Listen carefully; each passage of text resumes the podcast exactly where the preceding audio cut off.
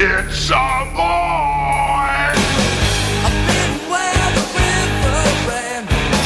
A Nightmare on Elm Street 5 The Dream Child. Freddy's dead. The final nightmare. Hallo en welkom bij Julius versus Jasper, de podcast waarin wij in elke aflevering twee films tegenover elkaar zetten en bedenken in het hypothetische geval dat één van de twee van de aardbodem zou moeten verdwijnen. Welke is het dan waard om te bewaren? Uh, Mijn naam is Julius Koetsier. Ik heb ook een uh, co-presentator, die noem ik Jasper ten Hoor. Hey, hallo. Hallo, daar is hij.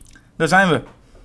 Nou, dan zijn we compleet. En we gaan het uh, ook iets anders compleet maken, namelijk de oorspronkelijke Nightmare on Elm Street serie. Na Ja. deze aflevering hebben we ze alle zeven besproken.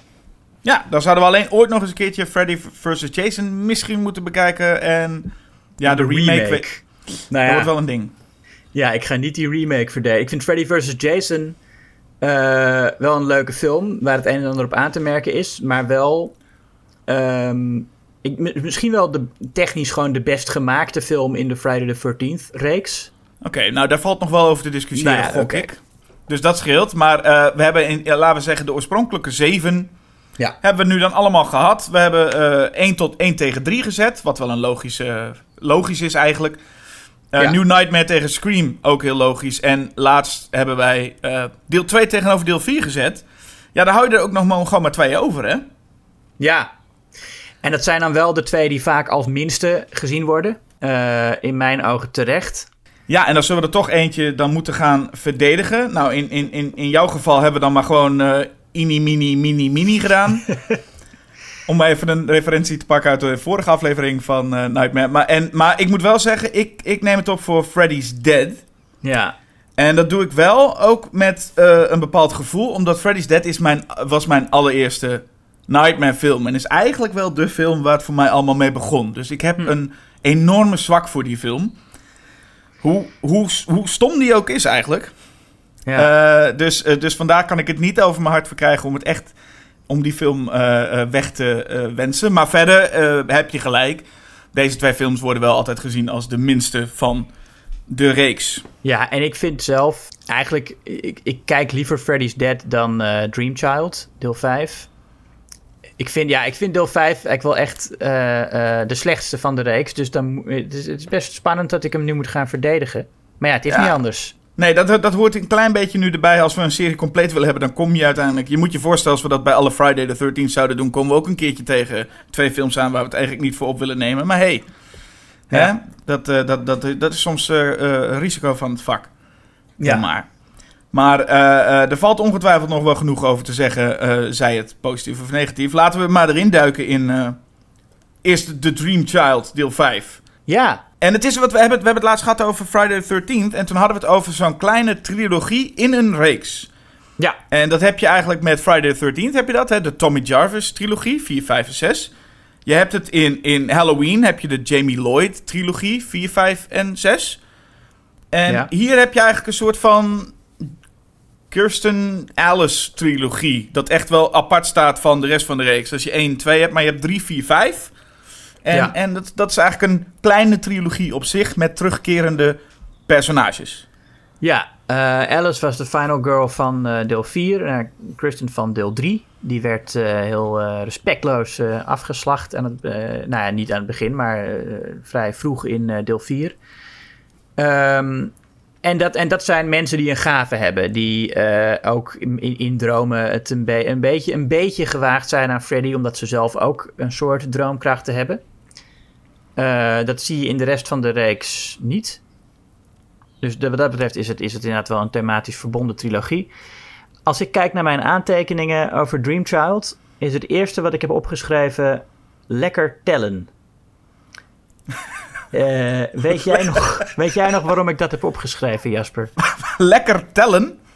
Ja, ik, eh, er is iemand lekker aan het tellen. Nou, ik heb die film. Ja, dus- de, de, de, de kindertjes, de, de, de- die zijn altijd aan het tellen. Die zijn 1, 2, Freddy's Coming For You. En die zijn, eh, die zijn Ja, in maar- ieder geval aan het tellen. Ja, maar waarom zou ik daarvan notitie gemaakt hebben? Ik weet niet waarom je het lekker vindt, maar eh, schijnbaar, eh, dat is wat ik me vooral kan, eh, kan bedenken. Misschien kan een van de luisteraars me eraan herinneren. Ik dacht nog toen ik het opschrijf, dan weet ik wel wat er staat. Maar, Het is ook een leuk concept om aantekeningen te gaan oplezen... en dan aan de luisteraar de vraag, wat bedoelen we hiermee? Ja, precies. Zo zie je maar ook maar hoe, hoe, ver- hoe vergeetbaar die film eigenlijk is. Hè? Het is wel ook de, niet alleen de minst goede, maar ook de meest vergeetbare van allemaal. Nou, dat is het ook vooral. Als je dan toch deze twee tegenover elkaar zet... dan kun je bij Freddy's Dead kun je alles zeggen... maar die film onthoud je wel. En dat is bij Nightmare 5 misschien nog een, eh, een, eh, een twijfelgeval. Hoewel ik net van jou een geluid hoor waarvan je denkt... ik weet het weer. Ja, ik weet het weer.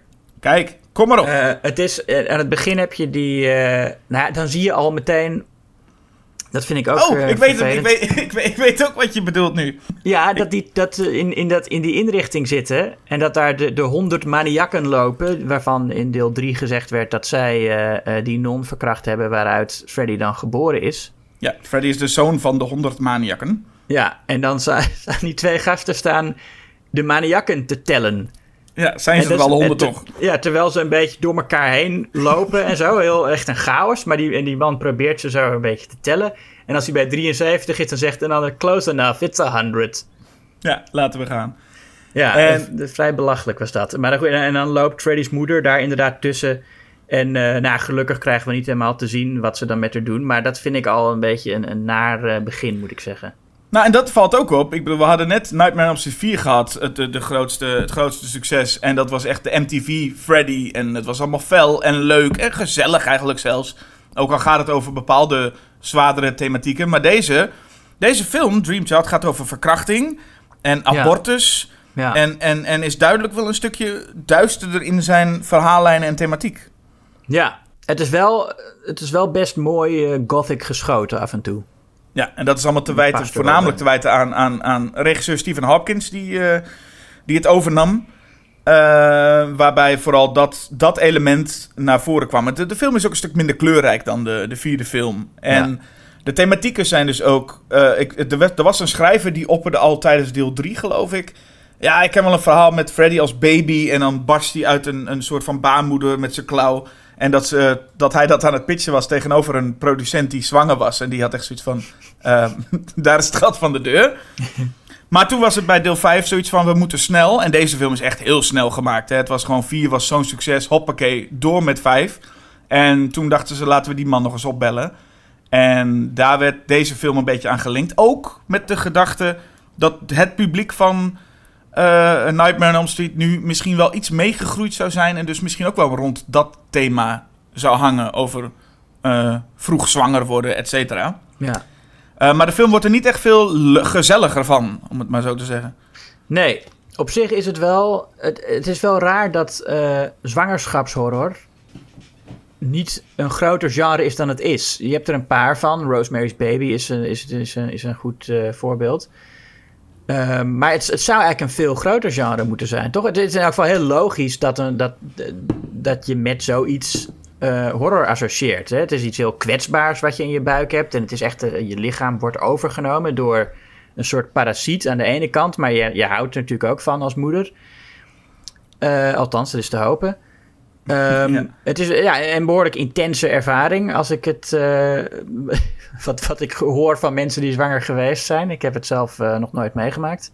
Nee, maar het, het schijnt wel iets, iets te zijn waar heel veel ook, nou ja, gewoon bang voor zijn. Het, is- het is ook Ja. iets wat best wel angstig kan zijn. En het is een vrij bizar tafereel, als je het goed beschouwt. Ja, nee, dus het is eigenlijk heel logisch eh, om, om daar een horrorfilm over te maken. En Ja. En dan misschien Eh. wel de meest, eh, de meest David Cronenberg nightmare die we hebben tot dusver, denk ik. Ja, ik denk eh, deel 2 heeft ook wel een soort pop Cronenberg-achtige situatie. Dat, dat, dat, dat ook je onderdrukte angsten en gevoelens eruit komen als monster. Maar hier zit dat inderdaad ook in, ja. Ja, en 4 heeft natuurlijk, hadden we ook al een beetje de, de, het body horror en het meisje dat verandert in een kakkelak. En hier lijkt iedereen wel te transformeren. Nou, de bekendste, eh, of de bekendste, eigenlijk, zijn- er zijn maar drie moordpartijen. Maar eentje is, is, is Arme Dan. Waarbij eh, extra bevestigd wordt dat het eigenlijk maar een nutteloos figuur is. Want in deel 4 deed hij eigenlijk niks. En dan komt hij terug. En hij is eigenlijk de, de Kincaid of Joey van eh, Dream Warriors. Die over, terugkomt in... hij, heeft de, hij heeft een film overleefd. puur om dan als eerste dood te gaan. Ja, Maar hij wordt dan eh, één met zijn motor. En dat is wel ook heel erg een, een eh, vrij ab- ab- absurde scène eigenlijk. Ja, maar die voel je ook wel, vind ik. Dat- Die, die vind, ik, vind ik wel lekker. Ja, het is wel een, een en dat geldt eigenlijk voor de hele film. Om meteen maar eh, te zeggen, de, de, deze film is, omdat dat is voor elke horror in eind jaren tachtig, eh, is een groot slachtoffer van de MPAA. Die elke, Ah, ja. elke film maar aan, aan stukken sneed. En daar heeft Friday the 13th ook heel erg last van gehad rond deze tijd met eh, Friday deel 7. Eh, de NPA ging helemaal los en dus werden de drie moordscènes die in de film zitten ook gewoon helemaal eh, aan stukken gesneden. En zijn dus maar een schrijntje van wat ze eigenlijk hadden moeten zijn. Ja, waarbij er eentje inderdaad... snap je ook niet zo goed wat er gebeurt... als je de gecensureerde versie kijkt. Dat meisje dat door Freddy volgepropt wordt... Die zit dan, Ja. dat is zo'n, zo'n, zo iemand die door haar moeder heel erg eh, gedwongen wordt om, om, om fit te blijven. Hè? That's not what a cover girl puts in her body, zegt eh, die vreselijke moeder ook. Ontzettend over de top rol trouwens. Ja, en in die droom ook extra over de top neergezet, hè, met zo'n lange tafel met allemaal van die gasten. Ja, dan zit je echt een soort eh, Tim Burton film te kijken of zo. En dan zit zij erin aan tafel te, te, te eten. En dan komt Freddy langs die haar... ehm, nou, in de ongecensureerde versie voert hij haar dus haar eigen vlees uit haar buik. Ehm, maar als je de gecensureerde versie kijkt, dan snap je dat helemaal niet. Dan zie je hem niet dat, dat vlees snijden. Dan heeft hij gewoon een stuk vlees aan zijn klauw en dat propt hij in de mond. En dan propt Ja. hij er vol. En dat is wel een leuke, of niet leuke scène, het is wel bizar met dat zij wordt volgepropt. Ondertussen zit Alice in eh, haar eh, thuissituatie en, en kijkt in de koelkast. En daar wordt alles eh, rot heel snel. Ja. En dan komt, zij, eh, komt Greta, het, het personage, uit de koelkast met de bek vol. Ehm, en wordt dan weer door Freddy in de, in de koelkast getrokken. En dan blijft er een briefje achter met bitch, uiteraard. ja. Ehm, en, en ja, gewoon, dat is wel een beetje wat ik bij Nightmare 5 heel sterk heb. Is, er gebeuren heel veel dingen. Maar of je nou allemaal precies weet wat er gebeurt, dat, eh, dat eh, valt te betwijfelen. Ja, nee, het is inderdaad qua, ja, qua, qua wat, wanneer iemand precies droomt en wanneer niet, zijn ze. Het ma- maakt allemaal niks uit en iedereen valt maar overal in slaap. Dat meisje dat aan tafel in slaap viel, daarvan wordt ook gezegd: she probably fell asleep at the table. Ja. Want tijdens, tijdens het eten met je, met je moeder en haar vrienden, dan val je opeens in slaap. Nou, daar wordt natuurlijk een hele duidelijke reden voor gegeven. Hè? Want is uiteindelijk is de vraag. Eh, in Nightmare 4 was het ook al het geval dat eh, Freddy via Alice vermoordde. En nu wordt dus gesteld van dat Freddy via de ongeboren baby van eh, Alice aan het moorden is. Wat betekent dus dat wederom de regel is: niemand hoeft in principe te slapen. Want hij doet het via de dromen van de ongeboren baby van Alice. Maar dan moet je toch wel eerst in slaap vallen. Nee, de baby slaapt. De baby Ja. droomt, dat is het hele punt. De baby eh, heeft dromen. En via, hij, hij doet het via de. eh, daarom zegt ook een van de personages tegen, eh, eh, tegen Alice: van, Heb je er ook ooit aan gedacht om misschien de baby weg te laten halen? Want geen baby is geen dromen van baby. En dan zal Ja. eh, Freddy ook verslagen kunnen worden. Maar Yvonne zegt wel: she must have fallen asleep at the table. Ze zullen er wel redenen voor zoeken, maar volgens mij zijn ze juist dan aan het zoeken van hoe kan het toch steeds? Want sommigen zijn niet aan het slapen, terwijl ze, eh, eh, ze, waren gewoon wakker. En dat is een beetje het mysterie. Ze waren Ja. gewoon wakker terwijl ze vermoord werden. Hoe kan dat toch? En dan komen ze erachter dat het de baby van eh, Alice is, die eh, ja, eigenlijk de zielen van, van de slachtoffers gevoed krijgt door Freddy. Ja. En ehm, dat is al lichtelijk verwarrend. En natuurlijk is er dan ook het moment dat, eh, zo begint de film ook, eh, Freddy als baby eh, keert terug.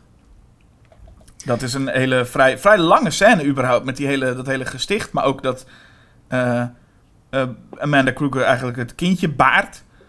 Ja. En dat, en dat kindje gaat dan naar de kerk waar, waar ze de vorige keer gebleven waren, waar Freddy's kleren nog liggen. En dat kindje gaat dan in die kleren, groeit daar dan een beetje in. En voor je het weet staat daar ja, Freddy eigenlijk met eh, zijn bekende zin It's a boy. Ja. Eh, de baby Freddy lijkt eh, een beetje op Xanga Dix uit de Johnsons. Ja. Vind ik wel een mooie pop trouwens. Hè? Zo, die monster baby. En, en het, het idee dat die baby dan in je zit, is, is ja, wel, wel een eng idee. Ehm, had de film natuurlijk een stuk verder mee kunnen gaan om dat ook daadwerkelijk eng te maken. Mhm. Uh, maar goed, dan krijg je dat Alice allemaal dromen heeft waarin ze ook een klein jongetje ziet. Ja. Die ehm, haar, ja, Jacob heet hij. En die gaat haar dan ook nog eens vertellen van... eh, je, eh, waarom vind je mij niet leuk? Eh, je wil mijn moeder niet zijn. En dat is natuurlijk ook, dat gaat dan ook over die abortus. En dan is het ook nog eens, blijkt het een best wel conservatieve anti-abortus film te zijn. Want die scène waarin zij aangesproken wordt door haar ongeboren kind, dat vraagt waarom wil je mijn moeder niet zijn? Dat is gewoon, dat kun je zo als propaganda in een, in een pro-life eh, eh, eh, filmpje zetten. Dat, sterker nog, dat, dat gebeurt letterlijk. Dat, dat, dat soort eh, eh, propaganda, dat maken eh, eh, pro-life christenen. Dat een kind tegen de moeder zegt, waarom wil je niet dat ik geboren word? Ja. Ja, en dat is wel een, een bijzonder eh, onderwerp om aan te snijden in zo'n film. Zeker als je net uit de Dream Master bent gestapt, toch? Ja, Dat, zeker. we deze, dat deze thematiek zo op je, op je afkomt. En daar hebben ze de makers ook uiteindelijk wel spijt van. Althans, als je ze nu hoort. En dat is logisch. De film deed heel slecht, ook aan de box office. Mm. Wat meerdere redenen zal hebben hoor. Maar dat ze toch denken van... mm, misschien was het toch beter om voor fun te gaan. En hier is het toch wel dat... ah, best, wel, best wel zware thematiek wordt, wordt aangesneden. Ja, maar en soms doen ze dat ook wel goed hoor, met die zwangerschap. Ik vind eh, ehm, hoe, hoe het allemaal van, van Alice afgenomen wordt, zeg maar. Hè. Je hebt, ze weet dan zelf nog niet dat ze zwanger is. Ehm, maar dan zegt die dokter al van, eh, ja, het is, eh, heeft dan een gesprek met haar vader, waarin hij zegt, uh, these sorts of outbursts aren't entirely uncommon. Many women have them at the beginning, especially if they've suffered traumatic shock. Dus dan zit, zit een, een mannelijke dokter tegen haar vader te praten over, over haar lichaam, terwijl zij helemaal niet in de gaten heeft wat er aan de hand is. En zo zie je vaker dat hoe haar lichaam eh, tijdens haar zwangerschap door mannen gecontroleerd wordt, die dan ook zeggen dat ze hysterisch is. Eh, het woord hysterie komt ook, betekent, is, is afgeleid van het oude Grieks voor baarmoeder. Hè? Daar komt het vandaan. Het idee dat vrouwen die kwaad waren of, uh, of ontevreden, dat er dan wel iets mis zou zijn met die baarmoeder. Ja, en wederom komt er hier een conflict, wat in alle Nightmares zit. Een conflict met ouders. En in dit geval heeft ze het conflict vooral met de ouders van Dan, die inmiddels dus dood is. Ja, die ook dat kind willen. Die dan eigenlijk ook zoiets hebben van, ja, wij weten waarschijnlijk wel wat het beste is voor het kind. Dus dat, dat is een stukje drama dat zich dan afspeelt. En de vader van Alice, dat was in, de eerste, of in deel 4 nog een beetje een dronken klootzak. Uh, is nu helemaal bijgedraaid. Hij gaat zelfs naar uh, uh, EE-meetings. Ja. En is helemaal, is helemaal bijgedraaid en neemt het helemaal voor Alice op, eigenlijk. Ja. En zegt ook van, nee, ik doe, doe maar wat jij wil. En, en, het, en, en ook nog een leuke punt dat hij dan op een gegeven moment zegt van... het zou wel leuk zijn als het een jongetje wordt om weer een jongetje in huis te hebben lopen. Ja. Omdat hij natuurlijk zijn, zijn nou ja, zoon is verloren in de vorige film. Ik vond dat zijn kleine dingen wat nog wel leuk is dat ze even refereren naar de vorige film. Ja. Maakt het minder losstaand. Maar het is ook leuk dat zo'n man dan een keer terugkomt. Dat je een klootzak kan introduceren in een eerdere film. En die nog wel echt een, uh, een kan laten bijdraaien eigenlijk. Ja, dat hij herstel krijgt. Dat, dat verwacht je echt totaal niet als je die vader aan het begin van deel 4 ziet.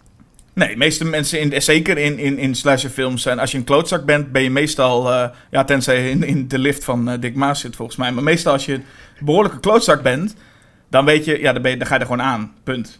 Ja. Of je bent op zijn minst in ieder geval, uh, ben je, ben je voer voor, ben je een reden dat er iets misgaat of wat dan ook. Je bent dat zeg niet... je nou, maar in, in The Burning ontpoppen twee van de grootste klootzakken van de film zich tot uh, de helden. Ja, het, het zal ook zeker wel vaker gebeuren. Maar laten we, laten we het zo zeggen. Als jij een, een, een, rol krijgt in een slasherfilm en je bent een beetje een klootzak... heb jij een grote kans dat je er ook aangaat. Ja. En niet dat je een hele film meegaat en in het vervolg mag komen als een soort bijna de, de held. En je hebt nog een happy end aan het einde van de laatste film ook nog. Nou, ja, nee, dat, dat is, uh, dat is uniek. Ja, hoera voor die man, toch. maar uh, ja. iets... Ja, de, nee, het zijn in dit geval maar drie uh, tieners die... Um, en dat is, ook, dat is ook vaak zo in vervolgfilms wel. Een, een meisje heeft zo nieuwe vrienden. Dit is volgens mij binnen een jaar. En meestal hebben ze altijd, dan zijn er gebeurtenissen. En dan heb je zo hebben ze een, een pak nieuwe vrienden waar, ze, uh, waar in de vorige film nog niet naar gerefereerd werd. Ja. Um, Alice heeft nu uh, gewoon eens nieuwe vrienden. Dus Yvonne, het, die het ook gewoon overleeft, hè? Ja, was ik wel blij mee trouwens, uh, dat Yvonne het overleeft. Want ik vind, haar, ik vind Yvonne leuk. Uh, ze draagt hele leuke kleren altijd. ze heeft echt duizend verschillende outfits uh, aan. En ze zijn allemaal ico iconisch, is ze. Vooral dat als ze die rode hoed met dat, met dat leren jasje eronder. Mm -hmm. Ja, sowieso is in, in de ja, in jaren 80 horror zit heel veel eh, leuke mode. Mhm. En eh, ik denk dat dat eh, het ding aan Dream Child is dat ik nog het meest zou aanprijzen. Is, eh, zijn de, de outfits van Ivan. En je hebt dan eh ja, Dan, en dat is ook een beetje, het, de, de, deze film heeft dat ook heel sterk. Dat had deel 4 ook al wel. Je hebt het clubje voor het eerst bij elkaar. Oké, hier is het clubje personages. En dan gaan we even in een paar zinnen alle personages langs eh, in dialoogjes om te laten zien wie ze zijn. En zo, zo zie je dat, er zitten ze op een gegeven moment bij het zwembad en de een die, eh, ehm, eh, Mark, die, die ziet eh, bloed. En terwijl hij een stripfiguur aan het tekenen is, ziet hij bloed en zegt hij, oh, daar kan ik niet tegen. Nou, dan Ja. heb je al, nou, eh, genoeg voor jou. En Freddy Ja. zit ondertussen mee te kijken en eh, notities te maken. Nou, Greta weten we ook al, hè. Die weten we dat het een model is. Die eh, mag eh, niet veel eten, want ze moet slank blijven. Zo, Ja. zo blijf je een beetje van elk... En Dan wordt nog van gezegd dat er een coach bij hem komt op het- de graduation, volgens mij. En dan wordt er bij Van Dan gezegd... This boy feels the need for speed. ja. ja. Nou, genoeg informatie voor dat. Freddy kan aan het werk. Dat is wat we in deze film ook heel sterk krijgen. Ja. En dat zien we ook. Dus eerst Dan met zijn eh, Need for Speed. Met een soort van ja, comp- eh, computerspelmuziekje dat de hele tijd klinkt. Een beetje een rare keuze van muziek wel, vond ik. Hm. Maar eh, daarin een, race scène met op een motor. en dan inderdaad Dan die dus een motor aan het worden is. Nou, Ja, zie, zie, dat zie je is- niet elke dag. Nee, dat vind ik denk ik wel de beste scène uit, uit deze. Ik vind dat die, dat die Greta volpropt. Om de een of andere reden. Het is. Ik, ik vind hem. Hij werkt natuurlijk sowieso niet in de gecensureerde versie. Maar in de, ik vind hem ook. Zoals de kakkerlak-transformatie in deel 4 naar was op een positieve manier.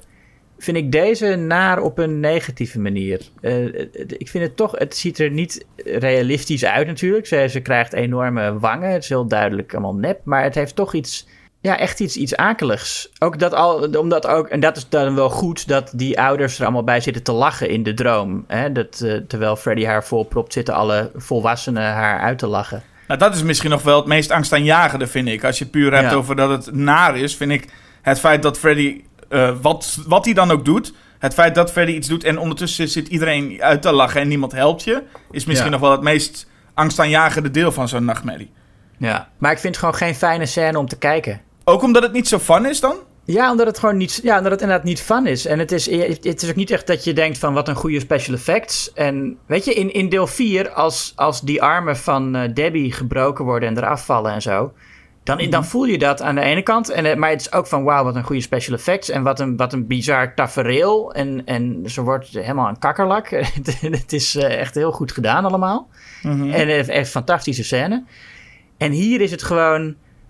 Ja, het is heel naar wat er met haar gebeurt. Maar het is niet... De special effects zijn niet fantastisch. En, en, en Freddy zit een beetje eh, eh, stomme one-liners eh, eruit te gooien... die dan leuk moeten zijn. Maar het is, helemaal- ja, het is, helemaal, niet, het is helemaal niet leuk. Nee, en het- ik denk dat dat nog het meest zit in die, in die motorscène eigenlijk, die misschien wel de beste van de drie moordpartijen is. Daar hoor je echt gewoon Freddy die al, gewoon woorden roept eigenlijk. Ja. Ja. Dan zit hij de hele tijd, dan, dan roept hij fuel injection. En put your pedal to the metal, Dan. En eh, de hele tijd maakt hij alleen maar dat soort, dat soort need for speed. En eh, gewoon zo Ja. blijft hij de hele tijd maar roepen. Alsof ze een soort van denken van, nou, we, doen gewoon alles. En hij roept ook maar alles. Ja, het zijn niet eens echt goede one-liners. Die die, dat als hij er tegen, tegen, tegen Greta zei, open wide. Denk je, ja. Hij, hij, hij, hij heeft er dan eentje, dan is het bon appetit, bitch. Oké, maar daarna moet hij blijven second helping. Oké, en dan ja. open wide. En hij blijft maar gaan, dat is het een beetje. Hij blijft maar, eh, hij blijft gewoon maar roepen. Ja. En iedereen is weer een bitch inderdaad, ook dat nog, ja. Ja, en het is die balans die hier in deze film het meest... eh, wat je merkt, dat die, dat die uit balans is eigenlijk. Deze film Ja. is nog het meest van... Oké, ze willen weer terug naar iets duister. Maar ergens ook doorgaan op de Freddy die we in Nightmare 4 zagen. De Dream Master. Dus een beetje, ze willen een beetje de popster, maar toch duister. En daar merk je dat ze helemaal... Nou ja, alle kanten op gaan. Eh, het is ook de eerste film die expliciet maakt dat Freddy een pedofiel is. Ja, in welke... Dat zie je heel even in een, in een, als, als ze op zoek zijn naar de geschiedenis van Freddy Krueger en uitzoeken hoe dat allemaal ging met zijn moeder en zo. Dan zie je, ze- heb je hier een krantenknipseltje waarop staat Child Molester Acquitted.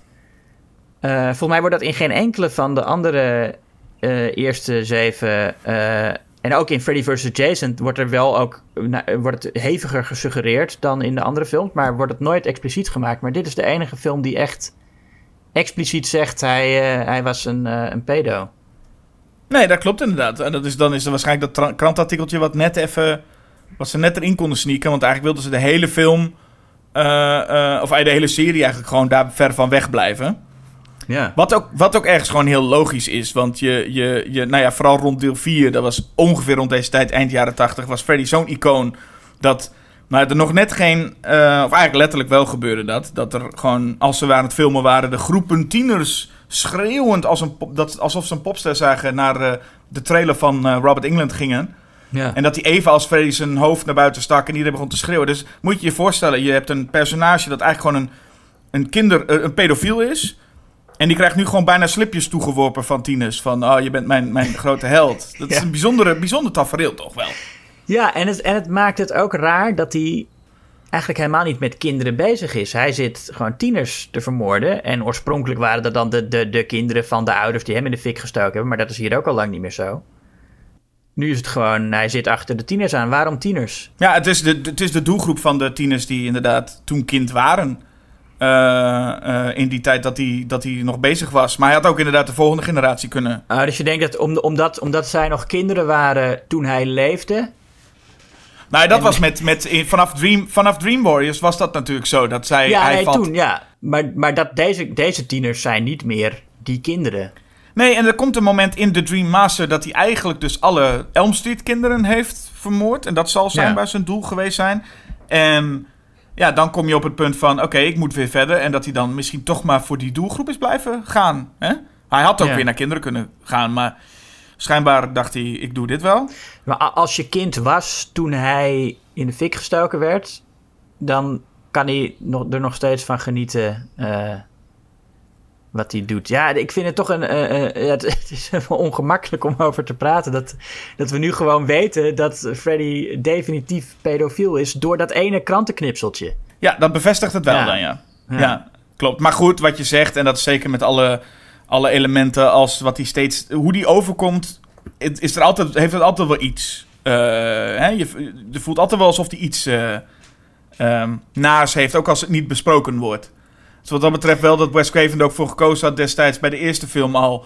Ik laat het uit het script, maar ik ga Mhm. niet het volledig omschrijven. Ik, ga gewoon, ik, ik haal gewoon de referenties ernaar weg. En wij kunnen het zelf Ja. wel een beetje invullen dat het waarschijnlijk wel zo was. Ja. Want je hoeft niet heel veel fantasie te hebben om te zien dat Freddy waarschijnlijk toen hij gewoon nog een normaal mens was, een, een vies mannetje was. Ja, sowieso was het een nare man. Dat eh, zeker. Ja, maar een, Ja. een nare man, maar ook gewoon een vies, vies ventje. Dat Ook zie je er ook wel een ventje. beetje aan. Ja, ja, ja, tuurlijk. Ja. Ja, Ja. maar Wes Craven had het eruit gelaten, toch? Omdat er destijds ook eh, iets speelde. Er, er was weer eh, een, een, een, pedofiel die eh, heel veel kinderen had verkracht. En, en, en, da- en daarom was Wes Craven... had hij het uit het script gehaald. Ja, en, en dat hebben ze gewoon doorgetrokken. En ik denk dat het toen ook logisch was dat ze toen maar doorgetrokken hadden, omdat Freddy zo'n kinderidool werd ook. Dat Ja. dat iets te cru werd. Maar eigenlijk is het gewoon wel zo dat al die lunchboxes waar Freddy op stond, waar die kleine kinderen bij zich hadden, ja, daar staat gewoon eigenlijk een nare pedofiel op.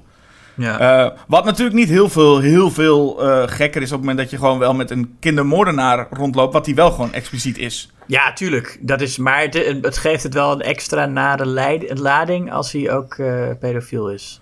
Ja.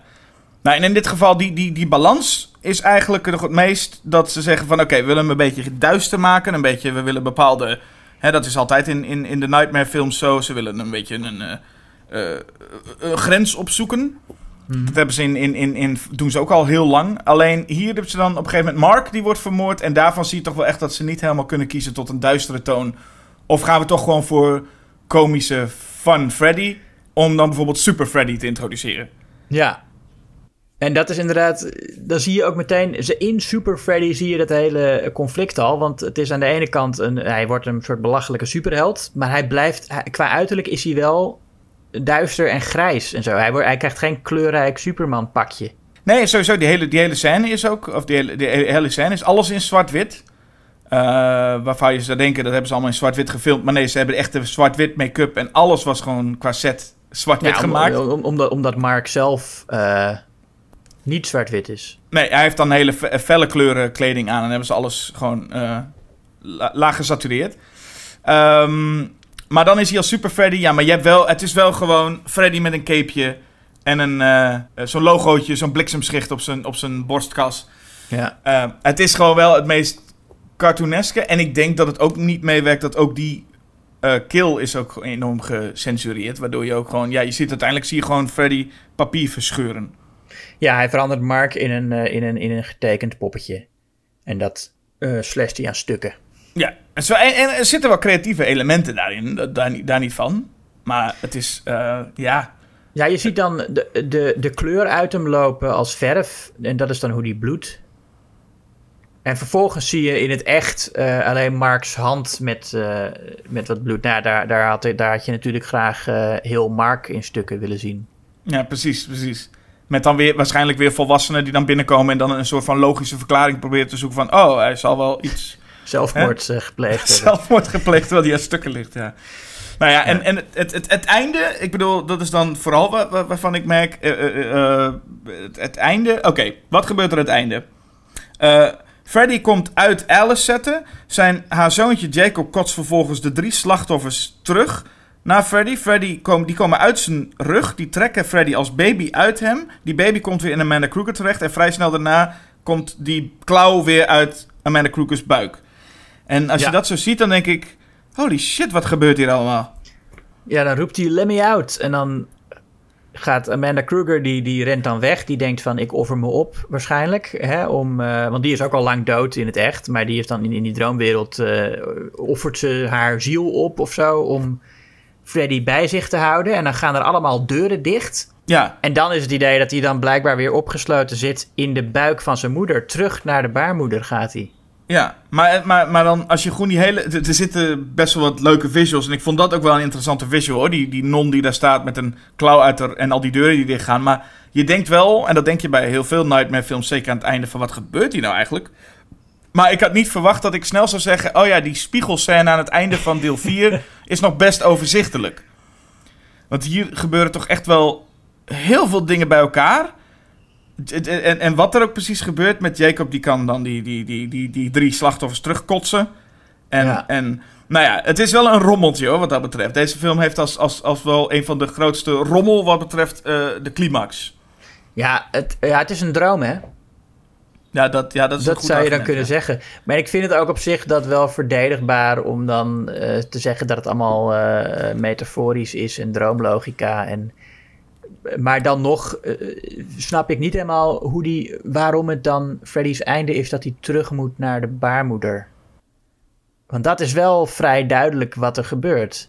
En los daarvan is, de- is, is, is die hele climax ook gewoon vrij slecht. Of gewoon heel rommelig gemonteerd. Het is ook gewoon visueel. Er zitten visueel interessante dingen bij. Maar het, het lijkt gewoon op een. Een beetje wat gevoel wat ik kreeg bij, bij. Als je Peter Jackson zag aan het einde van die laatste Hobbit-film. Dat hij een beetje zo, zo zat van. Ik weet ook allemaal niet wat ik aan het doen ben. En zo voelt het hier ook een beetje. Gewoon allemaal effecten. En we gaan allemaal dingen proberen. En die komt uit die. En die gebeurt dat.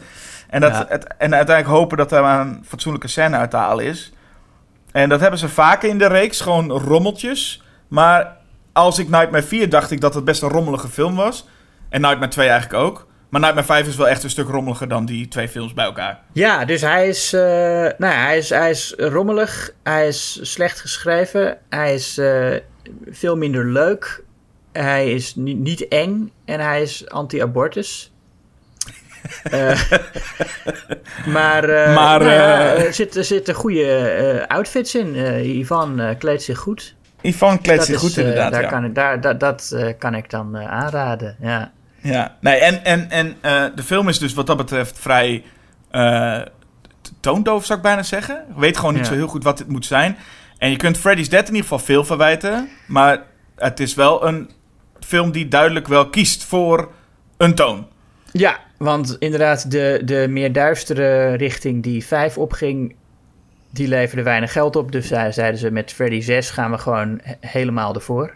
Ja, en ze hadden eh, daar allerlei ideeën voor. En natuurlijk, ze hebben ook Peter Jackson gevraagd van schrijf een script. Die heeft hij ook gedaan.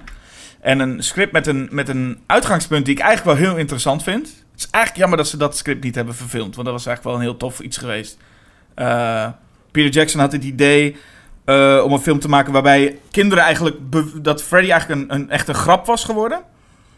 En dat kinderen, eh, tieners zeg maar, echt expres gingen slapen om Freddy dan in elkaar te schoppen. Ah. Dus eigenlijk omdat Freddy zo eh, een grap was geworden... dat kinderen er juist een sport van maakten om gewoon te gaan slapen... en Freddy op te zoeken en hem, te, hem juist te eh, pijnigen. Tot Freddy een keer een kind op een of andere manier weet te vermoorden... en dan gaat het, nou ja, ga- krijgt hij zijn kracht weer terug. Vond ik een heel Dat interessant aspect idee. eigenlijk. Ja. Nou, nou, helaas gingen ze daar niet voor. En Michael De Luca van, eh, van eh, New Line eh, schreef een ander script, wat gewoon Freddy's Dead werd. En Rachel Talalay, die ook al sinds de eerste film bij de Nightmare-serie betrokken was en bij New Line Cinema, met, mocht regisseur zijn. De eerste vrouwelijke regisseur van, van de serie. Ehm, ja, en dat, dat betekent wel dat New Line in ieder geval goed voor zijn mensen zorgt dan. Want die mogen allemaal gewoon... Maar het, het leverde niet het meest spetterende script op als je denkt aan de grote finale. Nee. Nee, het is ook, het is ook wel een, een behoorlijk eh, wisselvallig script eigenlijk. Want, eh, en, en, en ook toch wel rommelig, want ze willen... eh, nou, sowieso is het rommelig. Maar ook qua, qua toon wisselt het nog wel. Want ze willen naar... Ze willen toch ook wat meer inzicht verschaffen in de eh, jeugd van Freddy... en hoe die nou zo geworden is. En, en dat, daarvan zou je toch niet verwachten dat het in zo'n meestal eh, behoorlijk komische film zit. Nee, dat, er, zit, er zit inderdaad wat toonschuiven, eh, toonwissels in. Wat, het, echt, het eerste wat me meteen opvalt... Nightmare 5 is 1989 en is echt nog een jaren 80 film wat mij betreft. Ja. En deze film is twee jaar later gemaakt. Dus eigenlijk of een jaar later in de, in de jaren... Gewoon 1990. En meestal heb je, we hadden het laatst met Total Recall volgens mij... Zo'n film uit, jaar, uit 1990 is eigenlijk nog gewoon een jaren 80 film en voelt die ook. Deze film voelt enorm jaren 90.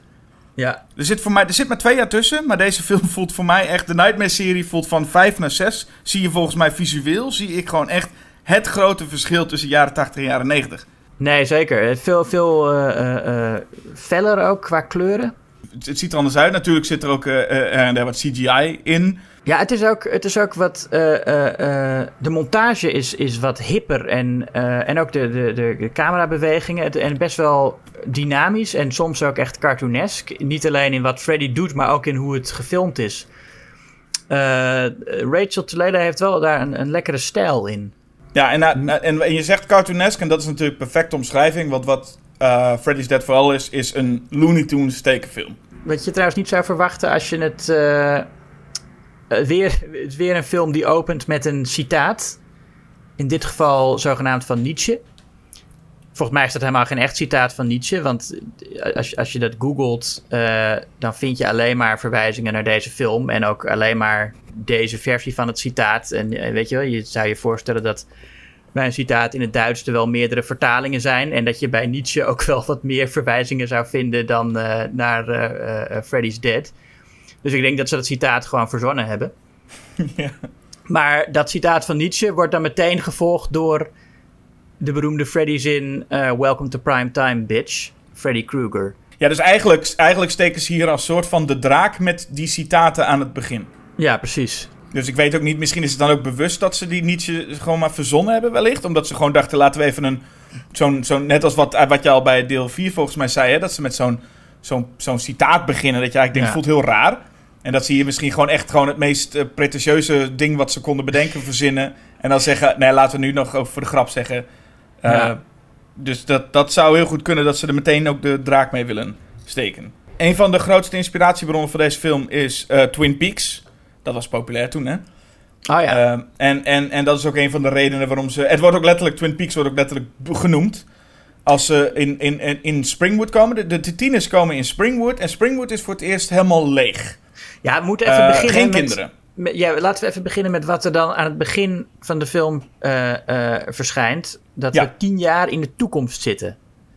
Ja, Ehm, dat is in, in veel slasher-series gebeurt dat een beetje per ongeluk. In Friday the 13th hebben ze heel vaak dat de ene film zeggen ze vijf jaar later.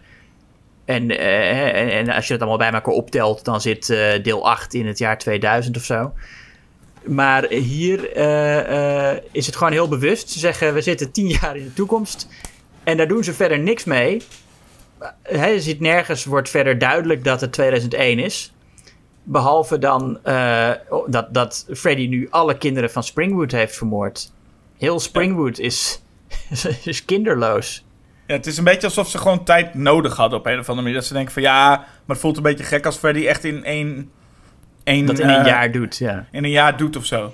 Ja, en, en, en de, die stad moest de tijd hebben om tot een soort gekke spookstad te ontwikkelen, te ontwikkelen waar eh, alleen maar rare mensen lopen. Waar een, een docent nog les staat te geven aan een lege klas. En waar Roseanne Barr en Tom Arnold eh, op een kermis rondlopen op zoek naar kinderen om te adopteren. Ja, en waar als er ook, want dat, ik denk dat het ook wel realistisch is, als er ooit een stadje komt waar geen eh, kinderen meer zijn, dan ga, je dan ga je als man alleen, dan gaat er één man in een botsautootje zitten. Hele tijd Ja. rondrijden. Ja, en iemand anders verkleedt zich nog als clown en gaat ook wat rondlopen van ja. eh, ik, ik Je weet maar nooit. Wat. Ja. ja, nee, dat klopt. Maar dat, eh, ik weet niet of het helemaal klopt hoor, maar ze hebben die tien, er was namelijk oorspronkelijk een idee om deze film te verbinden met The Dream Child. En er was ooit het idee om Jacob, de, het, het ongeboren zoontje van Alice, terug te laten komen. En men heeft ook vaak gezegd dat de, de John Doe, het personage dat we nooit zijn naam weten, die ook met geheugenverlies eh, eh, hier eigenlijk eh, in de film wordt geslingerd, dat dat Jacob zou zijn, het zoontje van Alice. Eh, dat, dat is volgens mij helemaal geen. daar is helemaal geen sprake meer van. Maar dat zou de films nog aan elkaar kunnen linken. Want wat er eigenlijk gebeurt is. Deze film heeft, doet niet eens meer moeite om uit te leggen hoe Freddy terug is gekomen. Dat deden Ja. ze in alle voorgaande films wel. En hier heb je gewoon een jongen. Die wordt geterroriseerd door een nachtmerrie. En, en dan zien we ook Freddy voor het eerst verschijnen. En dan zien we ook meteen waar we aan toe zijn. Hè? Nou, als je dat bij die quote nog niet had. Ehm, Freddy op een bezemsteel. Die eh The Wizard of Oz nadoet. ja. Of eigenlijk de heks uit The Wizard of Oz dan nadoet. En dan... ehm, ja, ook geen moeite meer steken in van... eh, hij is eigenlijk terug en er, er wordt ook niet gelinkt. En ik denk dat dat ook bewust is geweest. We gaan geen link maken met The Dream Child, want die film deed het slecht. Dus dat de producenten ook zeiden... laten we gewoon wegblijven van alles wat The Dream Child deed. En gewoon een hele losse film maken. Ja. Ja, en op- zich is het ook wel eh, niet heel erg dat ze geen moeite doen om te laten zien hoe die terugkwam. Want aan het einde van eh, deel 5 weet je ook helemaal niet zeker hoe die verslagen is. Hij zit dus gewoon was weer niks- terug in de buik. Dus Er ja, was nog niks duidelijk, dus dan kun je het beter gewoon maar... eh, Maar ja, dat zul je vaker in, die, in, die, in, in Friday the 13 Halloween ook, toch? Dat, eh, dat ze eh, de slechterik op een bepaalde manier afmaken... en dan denken, nou ja, als er ooit een vervolg komt, succes ermee. Ja, nee, dat is zo inderdaad gek hoe ze dat. Die, die les leren ze nooit of zo. Dat, dat je. Dat je je schurk niet te definitief moet doodmaken als je nog eh, geld ermee wil verdienen. In Friday the 13 was het op een gegeven moment zo dat ja, Jason Takes Manhattan was hij opeens een klein jongetje geworden in het riool van New York.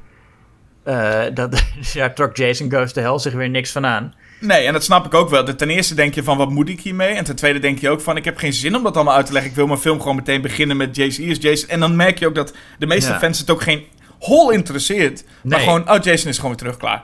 Ja, stel je voor dat ze in Jason X hem al hadden moeten laten zien hoe die vanuit die worm weer eh, terug is gekomen in het lichaam van Ja. eh, Jason. Ja. Nee, dus dat slaan ze allemaal over, maar ook de linkjes daarmee. Dus eh, ik, ja, ik, ik dacht eens nog, misschien hebben ze die tien jaar in de toekomst nog om dan Jacob. Maar ja, dan zou die ook niet oud genoeg zijn, denk ik. Dus ja, er is niet echt een reden voor, maar het is gewoon echt, hier is, hier is dus ons hoofdpersonage, althans dat denken we, hè, dat, het, het hoofdpersonage John Doe. En hier is eh, Freddy die hem terroriseert. En dan zien we ook meteen aan de toon, oh, dit wordt even wat anders dan we al hadden. Want Freddy komt op een bezemstil en niet veel later rijdt hij hem aan met, als buschauffeur. Heeft hij ook zo'n petje op. Ja. Ehm, dus dan zien we wel van, oh ja, dit is, eh, dit is de Freddy die we nu, waar we het nu mee moeten doen. Dat wordt wel meteen even neergezet. ja, hij, is helemaal, hij staat ook geen enkel moment nog in de schaduw. Hè? In, in, in, in alle films tot nu toe wilden ze hem in het begin nog een beetje in de schaduw houden. Hier is hij echt meteen eh, volledig in beeld, goed belicht. Ja, en ergens ook wel begrijpelijk, moet ik zeggen. Ik bedoel, ik kan me Ja, voorstellen is dat je dan nou geen denkt van, ja, zo, meer. Ja. Nee, je hoeft ook niet moeilijk te doen om van hoe wie zou het zijn of wat, eh, hoe, hoe eng zou die eruit zien. Het is gewoon, eh, hier is die, dit doet hij. Nou, verhaal wordt neergezet en wederom gewoon de personages worden geïntroduceerd met één, één of twee zinnetjes. Ah, eentje is doof. Nou, eentje speelt games en kan niet... en eentje doet aan een soort van vechtsport. Nou, daar hebben we wel redelijk het, eh, het mee gezegd. Ja. Alleen wat ze allemaal wel gemeen hebben, en dat is toch een beetje die mix ook. Want het gaat toch, ze hebben allemaal iets met ook, wat elke Nightmare heeft, met hun ouders. Ja. En hun, hun band met hun ouders. Het jongetje dat doof is, is eh, door zijn moeder schijnbaar waarschijnlijk doof gemaakt. Of in ieder geval niet eh, op een hele vriendelijke manier behandeld. Eh, de andere jongen, de, de Bracken Meyer, die wel een redelijke carrière kreeg daarna, eh, werd, ehm, eh, zijn vader wil dat hij zo wordt als hij. Ja. En, en, en nou ja, de Tracy is het meest, eh, meest eh, heftige figuur, waarin er letterlijk wordt gerefereerd nu aan, eh, aan verkrachting of aan eh, ja, seksueel Ja. misbruik. Ja, wat ze ook nog in een droom eh, herinneringen aan heeft. Dat vind ik ook heel ongepast in een film als deze. Ja, dan is het wel echt dat de toon van... Je gaat van een Bugs Bunny cartoon naar, eh, naar een, een, een, zo'n, zo'n echt zo'n hele vieze, vieze man... die dan eh, aan zijn dochter gaat zitten. Dat je Ja. denkt, wow, dat is wel een hele bizarre eh, wending. Ja, maar ja, en het is hier, het, ja, dat, dat ligt natuurlijk heel dik bovenop. Hè? De, ik bedoel, het idee van dat je je ouders niet kan vertrouwen, zie ik liever wat subtieler uitgewerkt worden dan, eh, dan dat. Ehm, zoals in, de, in veel van de vorige films nog wel gebeurde. Je hebt hier nog wel een paar aardige eh, eh, dingen van het, het conflict tussen ouders en kinderen. Want ze zitten allemaal in een inrichting. En ehm, hè, daar, daar, daar leren ze elkaar kennen. En op een gegeven moment zie je de, de vader die zegt dan eh, tegen, de, de, tegen de therapeut: eh, Nice job on my kid. I expected to see some improvement. Dus die behandelt zijn zoon echt als een, als een, als een zeg maar, product dat het niet doet en waarvan hij wil dat het gaat functioneren. Ja, en waarop ons echte, het hoofdpersonage Maggie... dat is dus eigenlijk het hoofdpersonage ook roept van... eh, hier is een Toyota. Ja, precies. Ja, nou, dat, dat is, dat is, dan zit die film nog wel aardig in de richting van de verwachtingen die ouders van kinderen hebben. En, eh, en gaan ze toch wel. eh, nou, dreigen ze een interessante kant op te gaan met eh, dat thema. Wat uiteindelijk ook niet echt waargemaakt wordt, vind ik. Volgens mij vond Robert Englund het ook al wat minder. Dat die kinderen. ehm, dat het zeg maar al, al kinderen waren die allemaal al problemen hadden. Robert Englund zegt dat Nightmare on Elm Street moet, gaat over het verlies van onschuld. En moet gaan over gewoon gemiddelde eh, kinderen uit de Midwest. Die, die allemaal eh, ontdekken dat, het, eh, dat, dat hun ouders niet te vertrouwen zijn. En, en, on- en hun seksualiteit ontdekken. En ontdekken wat er allemaal mis is met de wereld. En niet kinderen die dat al weten. Nee, maar de, de film grijpt daarvoor een beetje terug naar Dream Warriors... waar natuurlijk ook een, kind, een groep kinderen in een instituut zitten... Ja. Alleen ehm, zitten er dan, zijn het dan de ouders die letterlijk effect hebben gehad op eh, de dood van Freddy? Hier is het eigenlijk, he- hebben, hebben die ouders daar niks mee te maken. Maar Ja. zijn het gewoon eh, eh, ouders die gewoon op een of andere manier, wat voor, wat voor verwaarlozing ook hebben gezorgd, waardoor die kinderen wat beschadigd zijn. Ja. En Freddy is eigenlijk gewoon weer zo'n lul dat hij dat gewoon gaat gebruiken en gaat uitmelken, wat helemaal niet nodig per se is. Ehm, Nee. Om bijvoorbeeld de scène te geven met Carlos. Carlos is de dove jongen dan. Die krijgt een vrij memorabele, ik denk misschien wel de meest... eh, of een van de betere scènes vind ik uit de film... is dat hij... Eerst krijgt hij zo'n groot wattenstaafje door zijn oor. Ja. Die voel je wel. In ieder Ja. geval, dat, dat, dat, dat, eh, dat is al allemaal een angst die we allemaal waarschijnlijk wel eens als kind gehad hebben. Dat je denkt, oeh, als je hem te ver doordrukt. Ja, Ehm, precies. En, maar daarna gaat Freddy nog een tijdje door. En dan zie je ook wel de, de clown. En dat is echt de clown. Want hij, hij smijt hem door een muur heen. En daarna gaat hij de hele tijd achter hem aanlopen. Hij gaat dansen. Hij gaat schreeuwen. Hij gaat spijkertjes op de grond gooien. Terwijl al, hij alles heel hard hoort. Nou ja, dat is, dan zie je echt. En je hebt hier ook Freddy die gewoon letterlijk eh, de, de vierde muur doorbreekt. En gewoon de kijker aankijkt. Ja. Dus eh, ja, een paar keer doet hij dat, ja. ja, dat, daar wordt hij wel eh, echt neergezet. Eh, eh, en terwijl die eigenlijk gewoon... Nou ja, de, het, kind echt aan het kwellen is, eh, Carlos. Die gaat echt door een hel. eh, is hij eigenlijk een beetje. Neemt hij ons mee? Zo van, leuk dit, hè? Ja, ja.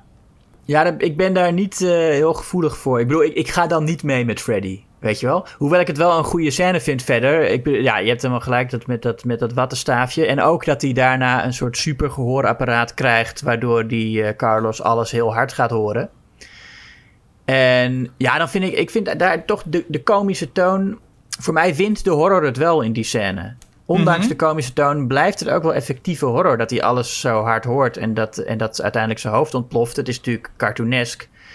Maar ehm, ik vind het nog wel echt een effectieve eh eh horrorscène. Ik denk het is ook wel een van de beste kills uit... eh, nou, sowieso de beste van deze film, maar ook... In de, als je de hele serie bij elkaar optelt, staat deze ook wel in de top 5. Ja, en ik denk dat je wat je vooral hier ook heel erg ziet, is niet zozeer de horror dat het eng is wat er letterlijk gebeurt, maar wel hier heb je echt een Freddy die eh, eh, het, het liefst zijn, zijn, zijn tieners nog zo lang mogelijk in leven houdt eigenlijk. Ja, En ik denk dat dat ook wel een angstaanjagend iets van hem is. Het feit dat hij, eigenlijk had hij dit nog wel gewoon een hele film lang door kunnen doen. Als je maar zo lang mogelijk kwelt ehm, en zo lang mogelijk in leven houdt. En ik denk dat daar, dat zie je hier wel heel sterk aan. Van het houdt maar niet op voor die arme jongen. Ja, aan het einde dan zit hij ook, dan wil Freddy, heeft hij een heleboel speltjes in zijn hand die hij gaat laten vallen.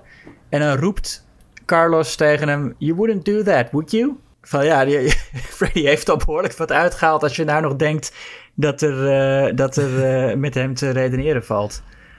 Nee, Maar je kunt het altijd proberen natuurlijk. Hè. Dat is Ja. wat dat betreft het verschil ook tussen Freddy en, eh, en, en Michael of Jason of zoiets dergelijks. Je, je- zou er maar hij heeft niet echt een gesprek. Dat is Nee. voor later. Dat Freddy ook echt met zijn slachtoffers gaat eh ouwe hoeren. Maar dit is wel een van de meest memorabele kills. En de meest ik wou eigenlijk bij deze zeggen, dat is misschien wel de be- bekendste uit deze film. Maar ik denk dat die van Bracken Meyer misschien nog wel iets bekender is, omdat Ja, hij ook iets dommer is. ja dat, is, dat is dan weer de domste kill. En dan vind ik niet meteen de stomste, maar wel, eh, wel echt de domste. Ja, precies. Het, begint, het, me- het memorabele begint al bij eh, Johnny Depp die even terugkeert.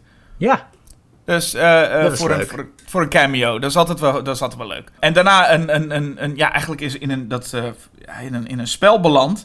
En op zich vond ik het idee van dat spel nog wel oké. Het ziet een beetje knullig uit natuurlijk. En Freddy is dat spel dan aan het spelen.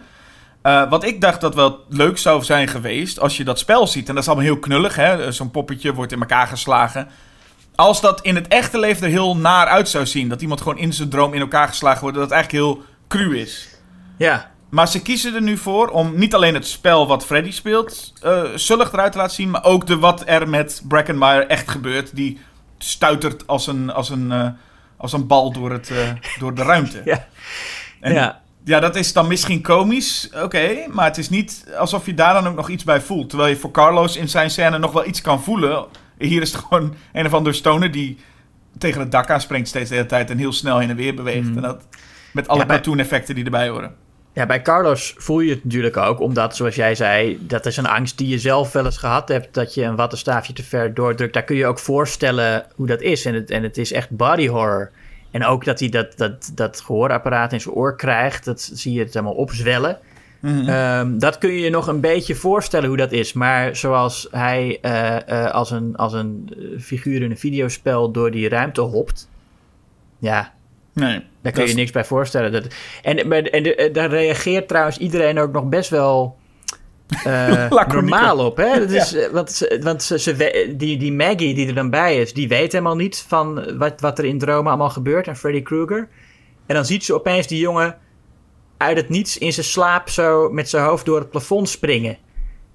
En dan zegt, eh, eh, zegt iemand van, nou, moet je, moet je kijken. Wat vind je daarvan? Ja, volgens mij zegt ook, eh, eh, een- een- eh, John Doe zegt volgens mij ook gewoon van, you call this normal? Maar dat zegt hij dan nee, op zo'n manier... dat- dus hij, hij, zij zegt van, eh this is crazy. En dan springt hij zo door het plafond en dan zegt, zegt John Doe, what do you call this? Rational? Ik weet niet of het laconieke bij de, bij de comedy moet horen. Hmm. Maar het zou wel fijn geweest zijn als er iets in die scène iets gruwelijker was. Eh, misschien, dus ik bedoel, want Spencer is op dat moment ook niet, ook een cartoon character. Want hij krijgt geen bloed of zo. Dat zou misschien nog gruwelijker maken als hij steeds door het plafond heen gaat. Maar ook begint te bloeden, terwijl hij Ja. laconiek rondspringt. Maar er gebeurt niks met hem. Het is niet, het is niet gruwelijk, het is niet eng, het is niet pijnlijk op wat je ziet. Het is gewoon, gewoon een tekenfilm eigenlijk. Ja, en uiteindelijk valt hij ook in een gat. Dat is Ja. zijn einde. En dat is ook iets, want dat, dat gat zit volgens mij in de echte wereld. Waar Freddy dan ineens een gat Ja. heeft gecreëerd. Ja, misschien dat het is dat, omdat dat het huis is waar hij dan de meeste macht heeft. Want ze zitten in een huis in Springwood. Ja. Misschien, het is wel gek hoe ze naar Springwood gaan, hè? Want Maggie, de therapeut, gaat dus naar Springwood. En dan hebben een aantal kinderen uit de inrichting... hebben zich in haar busje verstopt achterin. Ja, ja. En dan ontdekt ze dat onderweg en dan zegt ze... Ah, shit jongens, jullie zijn er. En dan komen ze aan in Springwood.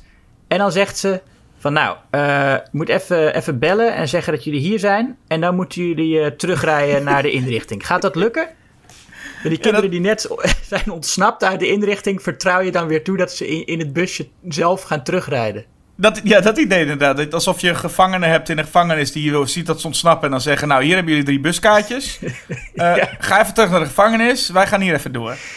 Ja, het is een bijzonder veel vertrouwen heeft ze in deze, deze figuren, ja. Ja. Of moet ik de politie bellen, zegt ze ook nog. Van ja, nou, misschien is dat inderdaad de logische optie nu. Het kan wel verstandig zijn, inderdaad, ja. En ehm, ja, die hebben, dat is eigenlijk gewoon het, het, het, eh, het tafereel. Hè. Maggie gaat met John Doe op onderzoek uit en komt bij die leraar, en eh, et cetera. En ondertussen zijn de drie kinderen, die worden dus één voor één eh, afgemaakt. Althans, gewoon twee van hen.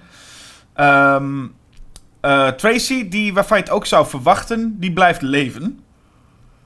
Ehm, Uiteindelijk. En dat eh, ja, is wel bijzonder. Het is een beetje hetzelfde als met Yvonne uit de vorige film, uit, uit, uit 5. Dat je toch personages zijn waarvan je denkt, die zouden waarschijnlijk ja, prima dood kunnen. Eh, maar blijven gewoon op een of andere manier leven. Op de een of andere manier, ja. ja misschien omdat ze geen eh, budget hadden om nog zo'n setpiece te maken. Ja, nou weet ik niet, want ze hebben, ja precies, ze hebben, ze hebben eh, want je hebt namelijk naast Maggie ook nog eh Jafet Kotto. Die, die is er ook nog om af en toe even wat uitleg te geven. Daar komt eigenlijk wat het leukste van. dat is het meest domste van de film. De film is namelijk voor een deel in 3D. Ja. En je hebt als je. En ze hebben het einde in 3D geschoten. Nou, dat levert heel veel beperkingen voor hen vooral op. Wat wij denken dat een groot, grote, grote afsluiting is. Is vooral een. eh, een, ja, een, een scène waar ze vooral moesten dealen met die 3D. Maar eh, ze, zetten, ze zetten, hebben dan een manier gevonden. Hoe krijg je nou een balkje met tekst bijvoorbeeld van zet nu je 3D-bril op. Ja. Uh, maar we kunnen het ook doen dat het personage ineens heel willekeurig een 3D-bril krijgt. Die zet ze op. En dan moet het publiek dat ook doen. Ja, ja precies. Een hele bijzondere. dat je gewoon, en nu, als je deze film nu kijkt, niet in 3D, dan is het ook een heel dom iets dat ze ineens die 3D-bril opzet. Dat was Ja. een goedkoop plastic brilletje. Ja. Het is toch wel heel leuk. Maar eh, goed, ah, ik, ik, ik was bijna vergeten dat we hebben nog een derde kill. Natuurlijk John Doe zelf. Want dat wordt de hele tijd neergezet. Hè. John Doe is waarschijnlijk belangrijk voor het verhaal. Want hij is waarschijnlijk de zoon van Freddy. Ja, hij heeft ook één zo'n flashback in een droom. Of niet een flashback, maar dan, dan droomt hij dat hij een, een, eh, zo'n zo'n isoleercel eh, binnenloopt. En daar zit iemand. En die draait zich erom en dan blijkt het hem te zijn. En die roept dan naar John Doe... Free me, you idiot. I'm your fucking memory. Van, eh, we gaan even heel, heel duidelijk maken waar dit voor eh, symbool staat. Eh, dat vind ik wel een van de meest hilarische zinnen uit deze film. Ehm, maar uiteindelijk blijkt dat het, dat het helemaal niet zo belangrijk is. Want wat zijn herinneringen ermee te maken hebben, dat doet er eigenlijk niet toe. Nee, hij is puur een pion om, om ja, Freddy bij zijn dochter dus te krijgen. Wow, plot twist. Ja. Ehm, hij doet er uiteindelijk niet zo heel veel toe. Wordt dan ook om zeep geholpen in waarschijnlijk het meest eh, Roadrunner-achtig tekenfilmpje. Waarbij Freddy hem eh, eh, uit een parachute... ah, dat vind ik nog wel een leuk grapje trouwens. Hij, hij schiet weer met dat huis. hij zit in dat huis dat dan naar beneden valt steeds. En dan Ja. zegt hij ook tegen zichzelf... Oké, nee, ik, ik, ik ga nu niet meer... Hij wordt steeds wakker op dat bed. En dan denkt hij steeds... Oké, nee, ik blijf nu gewoon lekker zitten. En dan vliegt dat huis in de fik. Ja, En dan denkt hij, kut, moet, moet ik weer. En dan springt hij weer het raam uit.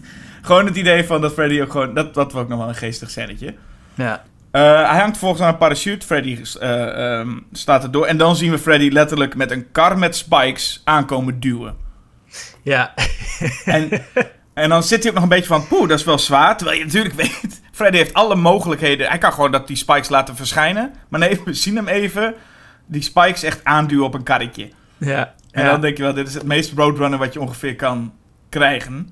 ja. Maar dan zijn we natuurlijk nog niet bij het punt aangekomen waar jij het over had. Dat we toch nog wel even ook de diepte ingaan in zijn, eh, ja, in zijn verleden. Ja, en daar zitten ook wat. eh, ook de meest hilarische momenten van de film, maar ook weer onbedoeld. Voor een, voor een best wel comedy zijn de meest hilarische scènes toch onbedoeld eh, grappig. Want zeker die flashbacks naar Freddy's jeugd. nou ja, natuurlijk is hij als kind gepest, weet je, zoals alle seriemoordenaars in films. En hij En maakt de dieren dood natuurlijk. Ja, en dan zie je hem inderdaad in de klas staan. En dan pakt hij een, een hamster uit een kooi. En die gaat hij gewoon heel laconiek met een hamer zo, eh, zo doodslaan. Terwijl de hele klas om hem heen komt staan. En verder niks zeggen over die hamster. Maar gewoon roepen: Son of a hundred maniacs. Dat je ook denkt, hoe weten die kinderen dat? Toen Freddy in de klas kwam, heeft de juf gezegd van... Nou, dit is eh, Freddy Krueger. Hij is trouwens de zoon van 100 maniakken. Nou, waarschijnlijk werd, er- werd, werd er gevraagd, eh, eh, wat doet je vader? Maar dat weten we van Ivonie, hè? Eh, dat, dat je in de klas had er gevraagd wordt, wat doet je vader? En dat je dat in de klas moest vertellen. En dat Freddy waarschijnlijk dacht, nou heb je even. Ja, mijn Ehm. vader, nou ja, ik heb er 100 eigenlijk. Best wel Ja. maniakken. Ja, precies. En toen begon hij ook te tellen. En toen zei die juf, dat toen hij bij 73 was, zei ze, nou, nou ja, het is genoeg. Het zijn er wel 100, ik vind het wel goed zo. Ehm, Ja. Nee, maar dat zijn inderdaad die kinderen die... Ja, ik weet het ook niet. Want ik denk, als ik ook dat beeld zie, je ziet die kinderen die dat roepen... en dan ook, daarna worden een volwassenen in zijn, in zijn, in zijn, in zijn gedachten. Die volwassen, dat volwassenen het roepen. Ik heb gewoon het gevoel dat dat allemaal gehe- de, de, de memory van Freddy gewoon is. Ja, Dus het, zal natuurlijk zo- niet letterlijk zo gebeurd zijn. Maar alsnog vond Nee. ik het een, eh, een aardig eh, belachelijk tafereel. Eh, hij draagt daar trouwens al wel al rood en groen. Ehm dus wel leuk dat, dat die, die kleuren, dat was wel echt zijn ding. Ik vroeg me ook wel af of dat het nou het eerste keer is dat hij iets naars deed. Want is hij al gewoon echt gestoord? Of is dit de eerste keer? Want anders zou je hem toch niet als docent zeggen van... Oh nee, laat die psychopaat me even met een hamer naar die hamsterkooi gaan. Het is wel mooi, het is wel een bijzonder tafereel dat hij die hamster pakt... en dan heel laconiek met die hamer erbovenop slaat. Zo van, ja, dat hoor je toch te doen als psychopaat? Ja, precies. Nou, Nou, ja, daarna zie je hem nog even als, eh, als, als jonge, of nou, eh, zeg maar tiener. Eh, dat, Alice Cooper heeft hem dan geadopteerd. Ja, nog een cameo natuurlijk, want er zit er voor een film vol mee. Ja, Na- Na Roseanne Barr, Tom Arnold en Johnny Depp kregen we nu Alice Cooper. Ja, en dan zit hij eerst zichzelf te pijnigen. En dan komt Alice Cooper die hem weer eh, een pak slaag komt geven. Wat eh, blijkbaar een vast ritueel is.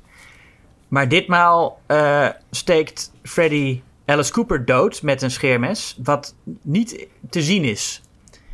Ik denk omdat Alice Cooper zoiets had van... Nee, ik ga niet... eh, ik, ik, ik, ben, ik, ik, ik wil even dit, dit kostuum aantrekken... maar ik ga niet met allemaal nepbloed dingen zitten te doen. Ik Dat geef, nog wel een, ik geef nog wel een schreeuw als je dat wil. Dan kun je die op audio eronder gooien als hij dat mes naar voren steekt. Ja, precies. En daarna krijgen we Freddy in eh, hoe die in, een, in, in het echt was. Even gewoon als voordat hij verbrand werd. Ja, Leuk huisje, gezellig tuintje, watertorentje erbij. Spelen met zijn dochtertje. Een gezin, inderdaad. Een vrouw en een kind. Ja, Ja. Dat, dat vind ik gewoon niet kunnen. Ik, ik kan me niet voorstellen dat Freddy Krueger een vrouw en een kind had. Ja, heeft hij wel een kelder waar hij allemaal, eh, eh, eh, allemaal handschoenen al heeft, prototypes heeft bewaard. Ja, En ehm, zijn vrouw komt daar dan achter. En dan, en dan is het ook dat, ja, dat is ook wel weer cru hoor. Als je het dan toch hebt over cru. Je, je ziet toch, zo'n dochtertje is dan getuige van hoe haar vader in de tuin haar moeder wurgt.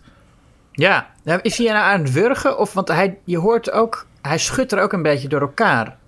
Hij schudt er een beetje door elkaar, maar ik zie wel dat als, als ze dan terugkomt, dan, zit hij, dan maakt hij heel erg die. Ah, ah, dat Ja. soort geluiden. Terwijl hij haar volgens mij vast heeft. Ik, ik denk dat. Ja, dat, dat lijkt mij op wurgen. Ik weet niet, ja, of je moet iemand heel hecht door elkaar kunnen schudden. Ja, ik heb ook de, dat het de bedoeling is dat het lijkt alsof hij er met haar hoofd ergens tegenaan eh botst. Oké, dan hebben ze waarschijnlijk Maar nou ja, geluidseffecten dat, gemist. eh, dat, eh, ja. Nou ja, ze is in ieder geval... Ik bedoel, je bent getuige van de dood van je, van je moeder. En, nou ja, soms ben je een Roadrunner cartoon. Soms ben je een, eh, nou ja, best wel met heft, kom je met heftige tafereelen op de proppen.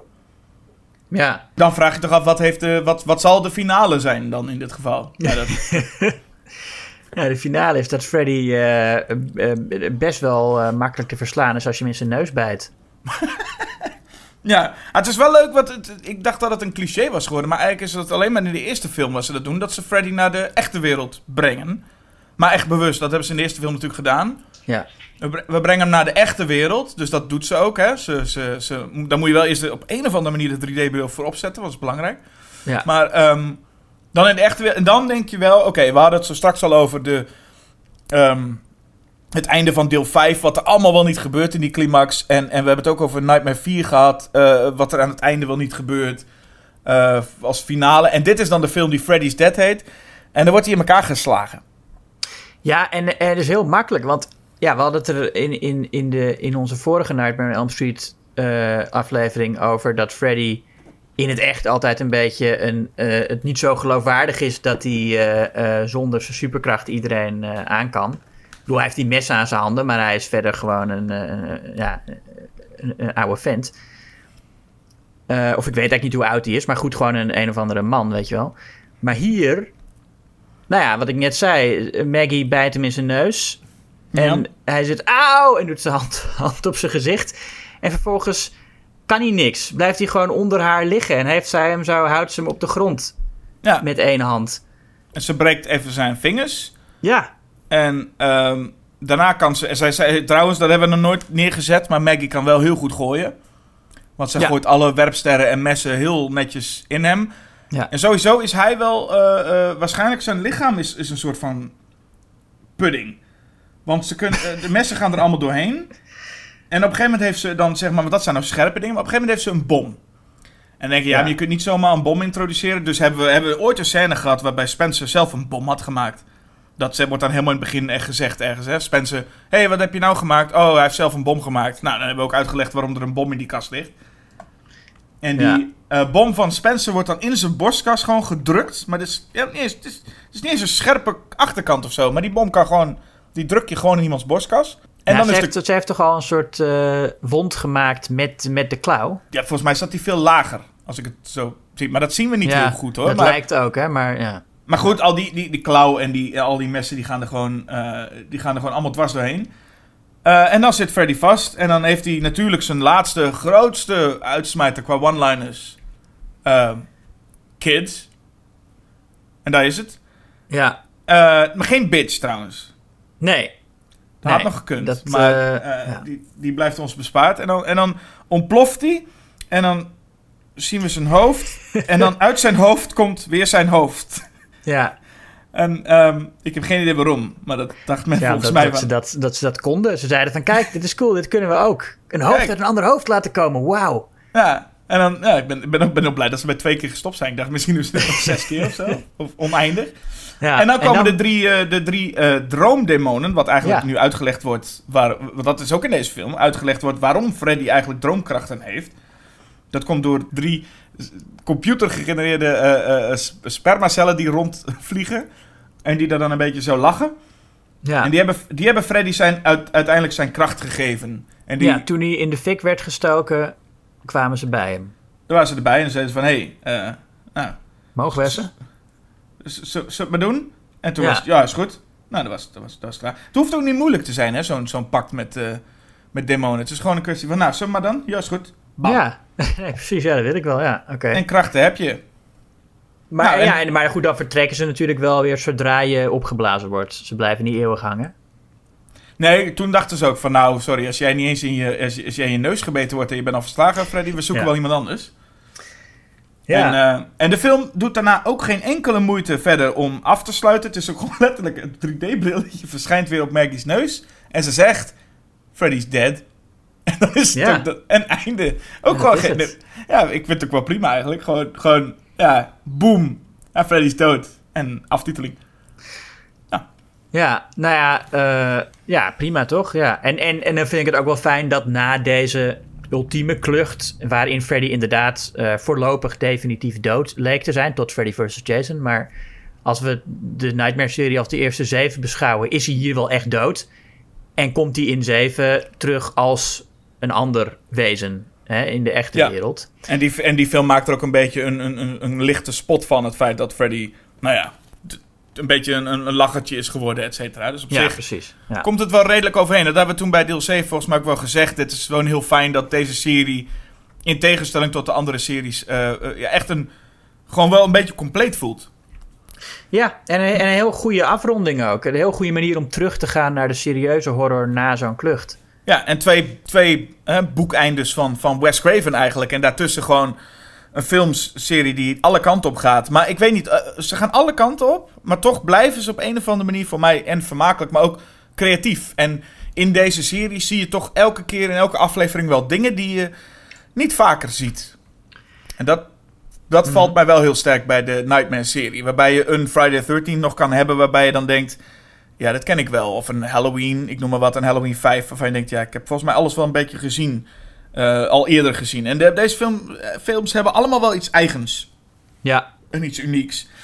En dan heb je inderdaad dan Freddy vs. Jason, wat een beetje een uitstapje is. Eh, en ik denk dat de serie ook sowieso stopt, aangezien Robert England niet nog een keer Freddy gaat spelen. En dat is natuurlijk wel echt een leidende rol.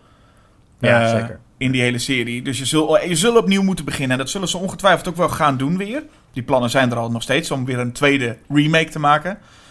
Ehm, maar goed, dit is voor de oorspronkelijke zeven, zijn dit ze. Dat zijn ze, ja. En Ja. nou, ik wil nog een paar dingen over 6 zeggen, als je het niet erg vindt. Nee, natuurlijk. Ga je Ehm, gang. Oké, ik vind de slechtste Freddy one-liner zit er sowieso in. Of de meest inspiratieloze eigenlijk. Dat is als hij tegen, eh, het, eh, tegen dat meisje met die vechtsport zegt... Kung fu this, bitch. Ja. Ja. daar heeft gewoon niemand ook maar enige creativiteit in gestoken. Dat is gewoon, eh, dat is gewoon niks. Ehm, wat ik wel grappig vind, is dat op een gegeven moment vinden ze een kindertekening. Zo komen ze erachter dat, dat Freddy eh, een, een ki- een kind had. Dan vinden ze een kindertekening waarop staat eh, K. Kruger. Want dat is hoe kinderen tekeningen ondertekenen met hun, met hun initiaal en hun achternaam. en dan zeggen ze: K, it could mean anything from Kevin to Kyle. dat vind ik ook heel goed. Even, even duidelijk maken welke namen er ongeveer met een K beginnen, dat we dat ook snappen. Precies. En in, in, die, in de computerspelscène, wat toch wel de meest gênante scène uit de serie is, denk ik, zit, ehm, is ook zitten meer rare dingen. Want dan willen ze ook die jongen gaan helpen in zijn droom. En dan zegt iemand, knock me out. Dus iemand, iemand die de droom in wil, wil dan in slaap vallen. En dan geeft hij zo een, een, een stuk hout en dan zegt hij, knock me out. Dat is, dat, dan zit je ook echt in de tekenfilmwereld. Weet je wel? Dat iemand met een stuk hout in zijn gezicht geslagen wordt en dan gewoon in slaap valt en even later weer, eh, weer rustig wakker kan opstaan. Het is ook een vraag hoe, hoe je. eh, Want die, die, de, die logica werkt ook in al die andere films niet. Alsof iemand in Freddy's dromen zit. Maar dat iedereen die ook op Ja. dat moment in slaap zit, ook daarin zit. Die nu. kan er ook meteen in, inderdaad. Ja, maar het, het zou het wel leuk vinden om eens een keer in een film te zien waar dat realistisch gedaan wordt. Want het zit wel vaak in films dat ze iemand bewusteloos willen maken en hem dan gewoon slaan. ja. Ik zou eens een film willen zien waar dat gewoon echt eh, realistisch aangepakt wordt. Dat ze zeggen, kom, sla hem even bewusteloos. En dat het dan Dat, een minuut dat- lang duurt voordat diegene eindelijk... En als hij dan wakker wordt en, en, en eh, eh, weet je wel, geen, z- zijn taal niet meer spreekt of zo. het was hier nog wel leuker geweest als ze dat inderdaad gedaan hadden. Van sla hem bewusteloos. En dat ze dat na een minuut lang heeft gedaan. En dat hij dan bewusteloos was, maar niet in die droom verder is, is op kon Ja, duiken. precies. maar gewoon Het is gewoon... na een lange tijd weer wakker werd en dacht, ah, Oh ja, en wat als ze dan nog in die droom zitten, dan is, vind ik Freddy ook wel op zijn lulligst. Dan zit hij daar te gamen. En dan trappen ze gewoon eh, de, de, de controller uit zijn hand. En dan roept hij: Wow! Weet je dat moment nog? ja, ja zeker. Dan zit hij Ehm. daar en dan trekken ze ook de stekker eruit. En het is bijna alsof hij, alsof hij een tiener is en de moeder trekt de stekker uit het, uit het apparaat. Van, wow! Ja, maar het is ook zo dat in principe heeft hij dat al- allemaal niet nodig. Want nogmaals, Freddy kan alles in dromen. Ja. Dus hij heeft niet eens een. Hij, hij heeft niet eens een fysieke console nodig om dit spel te spelen. Maar nu, voor dit Ja. gevoel dan wel. En dat is natuurlijk alleen maar bedoeld om de. eh, nou ja, gedateerde grap te maken van de Power Glove. Ja, En dat was een stukje speelgoed wat eh, niet, totaal niet werkte. Maar wat van Nintendo was. Die hadden dan de Power Glove. daar Nou, nou, en- film over gemaakt, toch? Ja, de, de, de, de Wizard, geloof ik, Ja. heet die. En eh, dat was dan dat de Power Glove was echt fantastisch. En ik moet eerlijk zeggen, als je jong bent, zo'n ding, dat is natuurlijk ook super gaaf. Ik bedoel, laten we eerlijk zijn, dat, ben- dat, dat, Ja. dat ben je wel... eh, Wauw, zoiets wil je ook wel. Alleen dat ding werkte dus voor geen meter. Ja. En dan komt hij ook met de Now I'm playing with power. Dus hij gooit ook gewoon echt de Nintendo-slogan er ook gewoon uit. Ja. En ze dachten nog problemen te krijgen, want ze hebben Nintendo gevraagd om toestemming. Maar die kregen ze niet. En toen zei Robert J. Ah, doe me gewoon wel. We zien wel of we, de, we zien wel of we er gedoe mee krijgen. En dat kregen ze uiteindelijk niet. Maar ehm, ja, om die grap is het, is het vooral bedoeld. Dat eh ja. de meest onlogische moment. Maar dat is, dat is hier helemaal alle krachten die Freddy heeft. Je denkt bij jezelf hoe. eh, ja, je, je moet er niet eens meer te veel bij nadenken. Met wat nou zijn krachten wel of niet zijn. Nee, precies. Want nee, hij, reist op is- een ja. gegeven moment, hij reist op een gegeven moment ook met zijn dochter mee. Dan gaat hij in haar hoofd op een of andere manier. Dan zegt hij, it's traveling time. En dan gaat hij, eh, dan wordt hij een soort van wolkje. En die gaat in het hoofd van zijn dochter. Maar ik weet ook niet waarom dat is. En ja, Ja. dus dat, dat, dat blijft allemaal een beetje vaag, hè?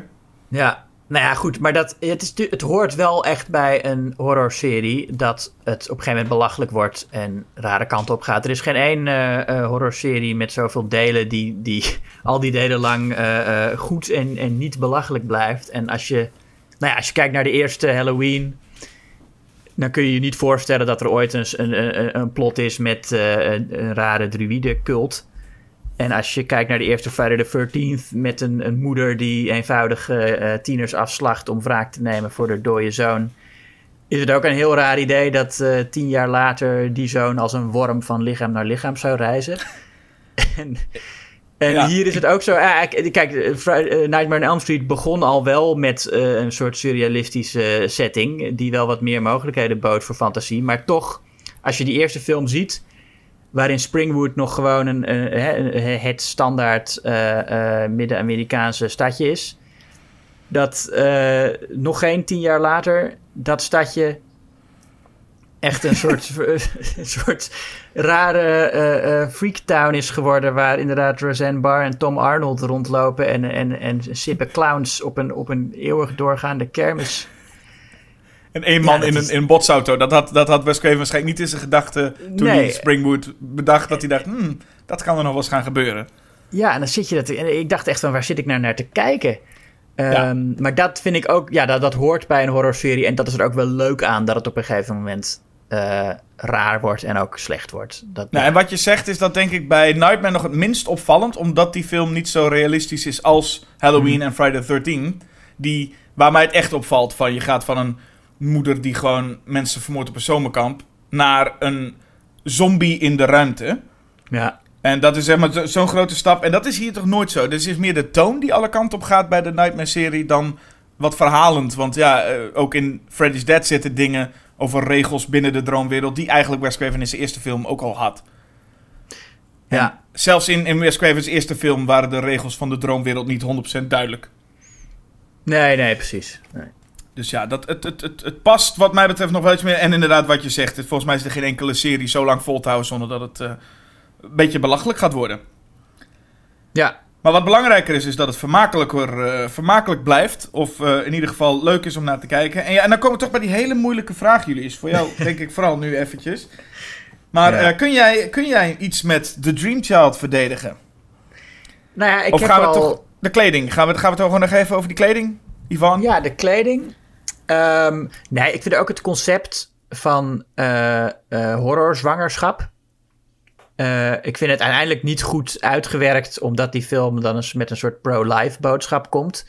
Maar het idee van een horrorfilm waarin dus een, een meisje zwanger is en zelf geen controle heeft over dat lichaam, omdat alle volwassenen dat willen en dat ze bang is dat er een monster in de buik zit, wat ook zo is. Nou ja, dat is allemaal natuurlijk al eerder gedaan in Rosemary's Baby. Wat in feite, ja, en, en, eh, eh, dus origineel is het niet. Maar eh, ik vind het wel leuk om dat in de Nightmare-serie te betrekken. En ik vind het ook wel leuk dat. ehm, die films gaan eigenlijk allemaal over, over onderdrukte trauma's die terugkomen. En deel 3 gaat daar op een interessante manier mee verder. En deel 4 ook. En ook, ook deel 5 voegt er nog wel iets aan toe. En deel 2 natuurlijk ook. Gaat ook over onderdrukte seksuele gevoelens. Dus ik vind het leuk als een film in de serie eh, een andere benadering neemt van dat thema van eh, onderdrukte trauma's. En in deel 6, ja, zit dat. Ja, natuurlijk heb die dochter die dan vergeten is dat, eh, dat haar vader Freddy Krueger was. Maar dat vind ik toch niet zo interessant. Dus daar, ja, dat is een beetje mijn, mijn verdediging van deel 5. Hoewel ik ja, toch moet zeggen dat de Freddy's Dead wel de leukere film is die ik ook eh, liever kijk. Maar ja, Ja. Nou, weet je, je hebt, me, je hebt me gewoon overtuigd. Ik ga ook voor deel 5. Die kleding, die kleding van Ivan, ik denk dat je gewoon ja gelijk nee, hebt, het, hoedje van, het rode hoedje van Ivan, dat wil ik hebben. Het rode hoedje, ik denk dat dat, ik denk dat, dat hem ook gewoon moet zijn. Nee, eh, ik eh, stap... nee, ik stap niet van mijn mening af, maar je hebt wel een goed punt gemaakt hoor. Ehm, maar ik kan ook niet veel verder dan dat ik toch moet zeggen... met door alle, ook alle nostalgische gevoelens die ik telkens weer krijg als ik deze film zie. Ik, ik, Freddy's Dead, ik hou gewoon ontzettend van die poppenkast. Ik vind het zo'n bespottelijke poppenkast en zo leuk. En dat had ik bij Nightmare 4 al een beetje aangegeven, dat ik daar ook gewoon de, de MTV Freddy eh, wel heel erg kan waarderen. Maar hier is het gewoon alle, alle dingen die ze doen. Ik, ik snap best, ik heb, dit was de eerste film die ik zag. Ik snap best dat als je het op volgorde kijkt van 1 tot en met 6, dat je ergens bij 6 wel denkt: jongens, dit, eh, eh, dit gaat me te ver. Ja. Maar ik vind die, ik vind die Looney Tunes canvas die ze, die ze schetsen eigenlijk wel gewoon heel fijn. Ook omdat ik niet zoveel zin had in. Je moet je voorstellen dat Nightmare 6 een soort van Nightmare 5 was geworden. Dan denk je, ja, dan hebben we het helemaal wel een keer gezien. Dan, Ja. dan heb ik liever Roseanne Barr en Tom Arnold die allemaal gek lopen te doen. Want dat heb ik tenminste nog niet gezien in een Nightmare film. Ehm, ja, dat verwacht je ook niet. nee, dat verwacht je niet. Dat is ook een logische, wat je verwacht in dat is een, ook- in dat is ook een logische film. reden dat je het niet verwacht trouwens. Dus, eh, ehm, maar Ja. Ehm, en verder, eh, ondanks dat, eh, ik, vind, ik vind het een hele leuke film. Maar ik vind Nightmare 5 wel de rommelste van de alle zeven. En ja, eigenlijk moet ik toch zeggen wat jij ook zei. Ik weet nog dat wij deze podcast gingen doen. En jij zei, ik heb net alle Nightmares gezien. Zeiden we, oh, zullen we dan een podcast doen? En toen zei ik, eh, oké, zullen we dan ook voor een aflevering met Nightmare 5 gaan? En toen zei jij eigenlijk al, volgens mij een paar dagen later, zei je... Ja, maar ik weet niks meer van Nightmare 5. Ja. En dat is wel Ja, een beetje hem- Nightmare 5 in een notendop. Want Nightmare 5 is, is gewoon heel erg vergeetbaar. Ja, en ik heb, hem- ik heb hem vanochtend natuurlijk nog even, eh, eh, zeg maar, er doorheen gegaan. Gewoon, eh, ik, had hem, ik had hem een paar weken geleden gezien en ik dacht van, nou, toch even het geheugen opfrissen en er nog een keer doorheen gegaan. En toen, toen kwam het wel allemaal wel weer terug. Mhm. Maar het is wel gewoon een, een- het is wel een film die het minst bijblijft, om het maar zo Ja. te zeggen. Ja. En dat is toch een, een, een zwakte in deze serie. Met toch wel vol met momenten. Uit elke film kun je wel een paar momenten noemen die gewoon altijd even bijblijven. Omdat ze zo of belachelijk zijn, of zo sterk zijn, of zo goed eruit zien, of wat dan ook. Ehm, ik vind nog steeds Nightmare 5, dus de, de minste van de zeven, vind ik nog steeds voor mij in, in ieder geval geen, eh, eh, is geen grote dis. Het is nog steeds wel een compliment. Ehm, maar toch, ja, nee, ik ga voor Freddy's Dead, eh, 100%. Dat wel. Ja. Maar weet je, dat, en dat scheelt wel weer in dit geval. Onze mening doet er niet echt toe. Ondanks dat we nu eh, Oh. meer dan een uur al bezig zijn met onze mening verkondigen, zeg je gaat het natuurlijk niet om onze mening, Julius, maar om die van de luisteraar. Oh ja, natuurlijk, de luisteraars. Ja, Ja, jij vergeet ja. het soms, maar er zitten nog misschien wel mensen te luisteren naar dit hele gouden hoer. Ja, nou ja, dat, en als die er zijn, moeten ze inderdaad maar vertellen eh, wat zij dan vinden. Misschien vinden ze wel de remake de beste. Ja, nou wie weet komen we daar nog een keer naartoe. Voor mij voelt het wel prettig dat we gewoon even 1 tot en met 7 hebben besproken. Ja, Ehm, nou, mocht dat nou bevallen, laat dat ook vooral weten. Dan wie weet dat we tussen de andere afleveringen door ook nog eens een andere serie als Friday the 13th of Halloween doorzetten. Eh, het is immers weer het seizoen van Halloween en zo, dus eh, we, we, Oh ja. we kunnen allemaal weer in de sfeer komen. Maar goed, we gaan ook nog genoeg andere... Er zijn zoveel dingen die we nog kunnen doen, dus... eh, ja, Genoeg afleveringen te bedenken. Maar we hebben de Nightmares gehad. we hebben ze gehad, het zit erop. Ja, dus luisteraar, laat maar weten. Nightmare 5 of Nightmare 6. Bedankt luisteraars voor het luisteren. Ja, bedankt. En ik zou zeggen tot de volgende keer. En uiteraard wel trusten. Wel trusten. So put your money where your mouth is. You don't know about this. Battling for real men. And I doubt it. I want my children back! You know they bring him! Now see what you done did!